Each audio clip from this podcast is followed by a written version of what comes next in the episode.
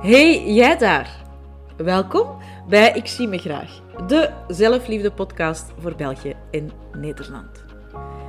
Ik vind het ontzettend fijn dat je hier geland bent en dat ik jou welkom mag heten. Ik ben Lies en het is ondertussen al heel wat jaren mijn levensmissie om straffe madammen zoals jij te leren zichzelf opnieuw graag te zien. Ik zou zeggen, ga makkelijk zitten en geniet van deze nieuwe podcastaflevering.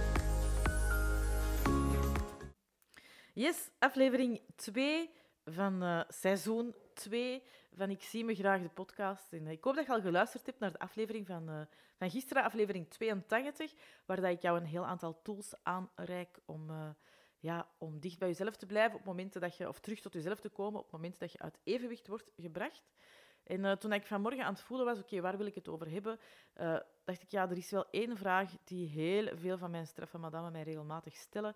En dat is, Lies, hoe kan ik gemakkelijker grenzen stellen? Hoe kan ik gemakkelijker mijn grenzen blijven aangeven? Ook al heb ik dat in mijn hoofd, of volgens mij al echt honderdduizenden keer gedaan. En um, ik, uh, ja, ik ga dan, als ik zo'n vraag krijg, terugkijken naar mijn eigen proces en hoe dat ik gekomen ben bij vandaag.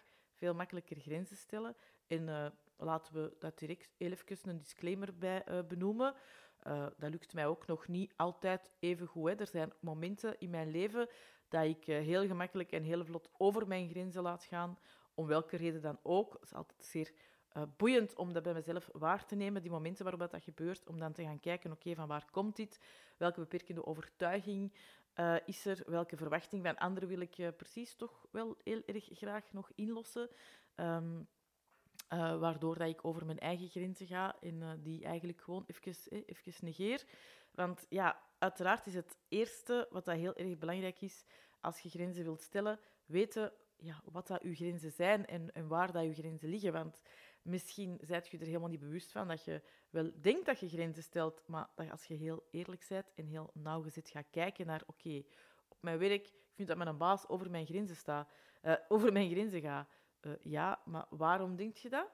Eén, en wat zijn dan uw grenzen op je werk en hoe geeft je die aan? Het zijn vaak al heel erg confronterende vragen. En dat gaat niet alleen over uw baas op het werk natuurlijk, maar ik weet dat dat iets is wat dat, vaak voorkomt. Uh, dat gaat ook over naar uw collega's toe, dat gaat ook in uw relatie met uw partner, dat gaat ook naar uw kinderen toe, dat gaat ook naar uw vriendinnen toe, naar uw ouders toe. Uh, ik weet dat nu de feestdagen eraan komen, dat dat ook zo vaak wel een heikel iets is wat daar boven komt. Ja, maar wij moeten dan overal zijn en er wordt kei veel verwacht. En ik moet dan daar zijn, ik moet daar naartoe en ik moet daar zo lang zijn. Weet je, jij moet eigenlijk juist niks. Het feit dat je dat allemaal doet en dat dat dan ja, hè, tegen je goesting is, wil zeggen dat je er geen helder beeld van hebt voor jezelf en dat je ook de grenzen uh, niet stelt en je grenzen vooral of je leven dan tijdens deze periode laat bepalen door anderen. En um, mogelijk is dat omdat je nu zoiets zit van ja, maar ja, het zijn de feestdagen, ik strijk even met mijn hand boven mijn hart. Ook al weet X of Y dat ik dat helemaal niet graag doe, of dat ik niet graag uh, met zoveel mensen tegelijkertijd samenkom, of dat ik me er niet oké bij voel, dat me dat geen geborgen gevoel geeft. Um, eh, dit is ook een periode waarin dat, dat misschien net iets meer gebeurt, dat je zo met je hand over je hart strijkt en denkt van, ja, weet, dat is maar voor één keer. Maar misschien doe je dat wel veel te vaak. Hè? Zo, het is maar voor één keer met je hand over je hart strijken. Dus in eerste instantie is het heel erg belangrijk dat je voor jezelf helder en duidelijk hebt. Ja, maar wat zijn mijn grenzen nu eigenlijk? En misschien is het mooi om een keer op te lijsten voor jezelf van oké, op mijn werk, um, naar mijn eh, relationeel, ik struikelde even over dat woord, relationeel gezien, wat zijn daarin mijn grenzen? Oké, naar mijn kinderen toe. Weet je, lijst een keer alle mensen op uh, naar wie dat je of die dat volgens u gemakkelijk over uw grenzen gaan. Gewoon om voor uzelf al eens helder en duidelijk te hebben, ja, maar heb ik mijn grenzen daar dan al wel in bepaald? Uh, dus dat is een hele grote en een hele belangrijke. En dat je zelf die grenzen respecteert. Hè? Want ja, je kunt wel van heel veel verwachten van anderen dat ze hun grenzen, respecteren, maar als je ze zelf niet kent of e enerzijds of anderzijds ze zelf niet respecteert, het niet duidelijk maakt wat dat uw grenzen zijn, ja, andere mensen kunnen nog altijd uw gedachten niet lezen. Dus het is nog altijd wel een hele belangrijke sleutel om hè, te doen. Uh, daarnaast is het essentieel om te vertragen in het stellen van uw grenzen. En daarmee bedoel ik dat je vooral jezelf tijd en ruimte mocht kunnen om de andere persoon een antwoord te geven. Je hoeft niet altijd hier en nu direct onmiddellijk te antwoorden, want vaak gaat je dan ja, antwoorden vanuit het getriggerd zijn, vanuit de andere de goedkeuring van de andere willen gezien willen worden door de andere, de verwachting van de ander willen inlossen. Want ja, als iemand anders iets vraagt, dan uh, zou het heel goed kunnen dat hij daar zo met een smekend gedicht staat of met puppyoogjes. En dat je dan denkt van, ah, ik kan die nu toch niet teleurstellen. Want ja, je bent zelf al zo vaak teleurgesteld. Of als ik nu nee zeg, dan gaat het zich afgewezen voelen. En ik weet hoe dat, dat voelt en wat dat, dat is om afgewezen te worden.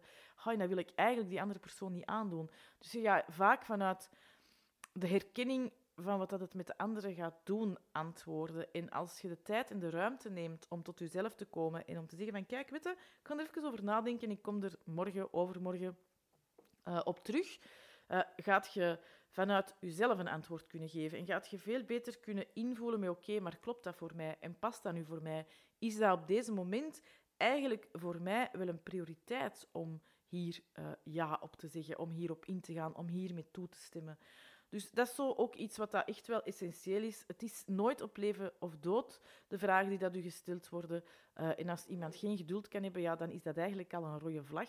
Want ja, dan hadden ze het misschien zelf ook wel al eens eerder kunnen komen vragen, als het nu direct onmiddellijk dringend is. Uh, dat betekent niet dat jij u door hun deadline moet laten schuren, bij wijze van spreken, of moet laten beïnvloeden. Dus eh, enerzijds zelf weten welke grenzen dat je, dat je wilt stellen, Anderzijds heb je ze al duidelijk en helder gecommuniceerd. Ja, en dan dit derde stukje, uh, ja, neemt je de ruimte en de tijd om te voelen wat het antwoord voor u is. En kunt je de andere vragen om tijd en ruimte vooraleer dat jij een antwoord hoeft te formuleren. Uh, dat is uh, iets wat aan mij altijd wel geholpen heeft uh, om het helderder te krijgen wat dat die grenzen zijn. Dus ik hoop vandaag een, een korte podcast, is vrijdag.